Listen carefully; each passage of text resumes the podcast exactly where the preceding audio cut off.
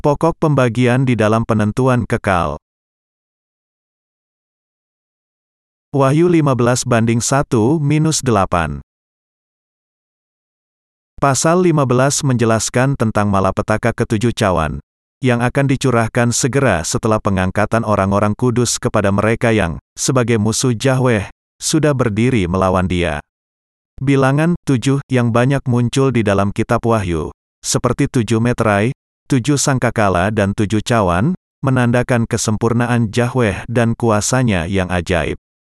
Yahshua Kristus adalah Yahweh yang Maha Tahu dan Maha Kuasa. Bahwa Yahshua adalah Maha Tahu dan Maha Kuasa bagi kita berarti bahwa Tuhan kita adalah Yahweh yang Maha Kuasa yang baginya tidak ada sesuatu pun yang mustahil. Tuhan kita adalah Yahweh sendiri yang sudah merencanakan segala sesuatu dan yang memiliki kuasa untuk menggenapi semuanya. Orang-orang kudus, dengan demikian, harus memuji Tuhan atas kemahatahuan dan kemahakuasaannya yang ajaib dan kuasanya yang dinyatakan melalui malapetaka ketujuh cawan yang dicurahkannya ke atas dunia ini. Kita bersyukur kepada Tuhan atas kenyataan bahwa penghukuman yang demikian bisa terjadi atas kemahatahuan dan kemahakuasaannya. Bahwa Tuhan akan melakukan pembalasan atas musuh-musuhnya dengan malapetaka ketujuh cawan dan penderitaan api neraka yang kekal. Bagi orang-orang kudus, adalah sesuatu yang hanya bisa mereka syukuri dan sangat semestinya.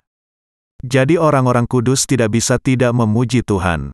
Haleluya! Malapetaka ketujuh cawan akan terjadi setelah orang-orang kudus diangkat beberapa saat setelah orang-orang kudus diangkat sesudah tiga setengah tahun dari masa tujuh tahun masa kesengsaraan besar.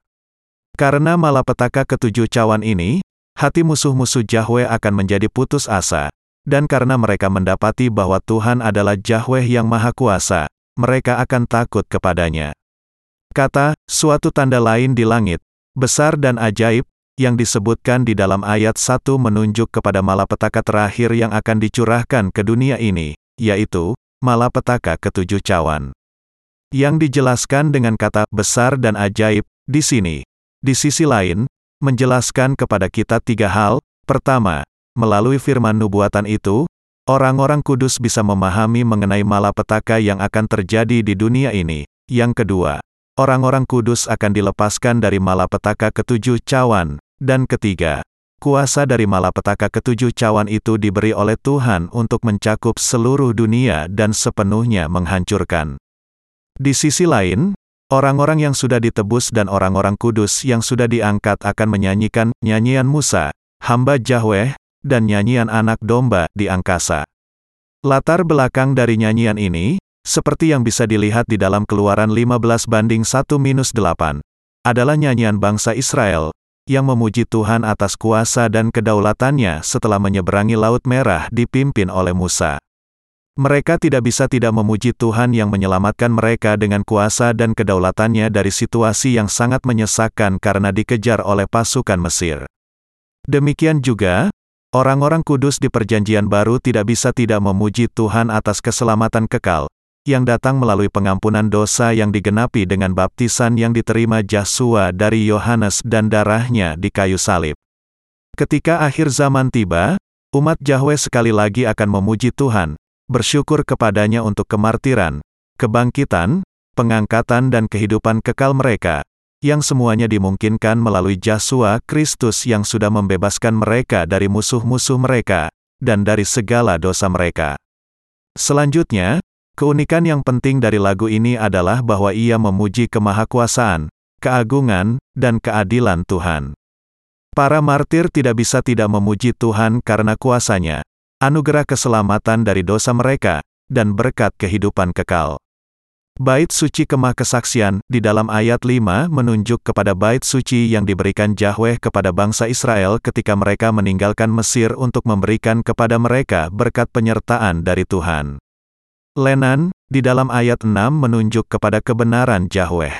Dikatakan di sana bahwa para malaikat akan mengenakan kebenaran Yahweh dan menerima dari dia kedaulatan untuk menentukan penghakiman yang tidak akan bisa ditolak oleh semua musuh. Ayat 8 mengatakan, dan bait suci itu dipenuhi asap karena kemuliaan Yahweh dan karena kuasanya, dan seorang pun tidak dapat memasuki bait suci itu, sebelum berakhir ketujuh malapetaka dari ketujuh malaikat itu. Kita bisa menemukan tiga makna di sini. Yang pertama, itu menunjukkan betapa lengkapnya murka Yahweh kepada musuh-musuhnya. Yang kedua, di situ dikatakan bahwa tidak ada seorang pun yang bisa masuk ke dalam bait Tuhan tanpa percaya kepada baptisan Yesus Kristus dan darahnya, karena keselamatan Yahweh bagi orang-orang berdosa begitu sempurnanya. Ketiga, di situ ditunjukkan bahwa tidak ada kebaikan manusia yang bisa menghindarkannya dari keadilan penghukuman Yahweh, dan bahwa hanya dengan percaya kepada baptisan Yesus Kristus dan darahnya di kayu salib seseorang bisa melepaskan diri dari murka Yahweh yang dicurahkan kepada orang-orang berdosa. Karena itu orang-orang kudus harus berpegang teguh kepada Injil dan memberitakannya sampai saat terakhir. Dan mereka yang belum menerima pengampunan dosa harus menyadari bahwa mereka ditentukan untuk menghadapi keadilan penghakiman Yahweh, dan mereka pasti akan kembali, secepat mungkin, kepada Injil air dan roh yang diberikan Tuhan. Bagian di atas menunjukkan bahwa, sebagaimana penghukuman yang akan diberikan Yahweh kepada musuh-musuhnya dengan malapetaka ketujuh cawan adalah sempurna di hadapan semua mata yang melihatnya, tidak ada seorang pun di dunia ini yang akan bisa menghentikannya sampai penghukuman atas dosa ini semuanya digenapi. Pasal 15 dari Kitab Wahyu menunjukkan kepada kita bahwa antikristus, iblis, roh-roh jahat, dan semua yang melawan dan tidak mau percaya kepada Injil air dan roh, yang sudah tersedia bagi kita karena kasih Kristus, adalah musuh-musuh Tuhan kita.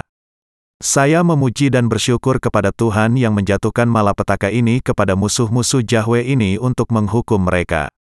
Sangat layak bahwa orang-orang kudus akan memuji Tuhan dengan nyanyian Musa, hamba Yahweh itu, dan nyanyian anak domba. Tidak ada seorang pun yang bisa menghentikan pujian kita kepada kebenaran, kuasa, keagungan, dan keadilan Tuhan. Saya memuji Tuhan yang memberikan berkat yang demikian kepada kita. Haleluya!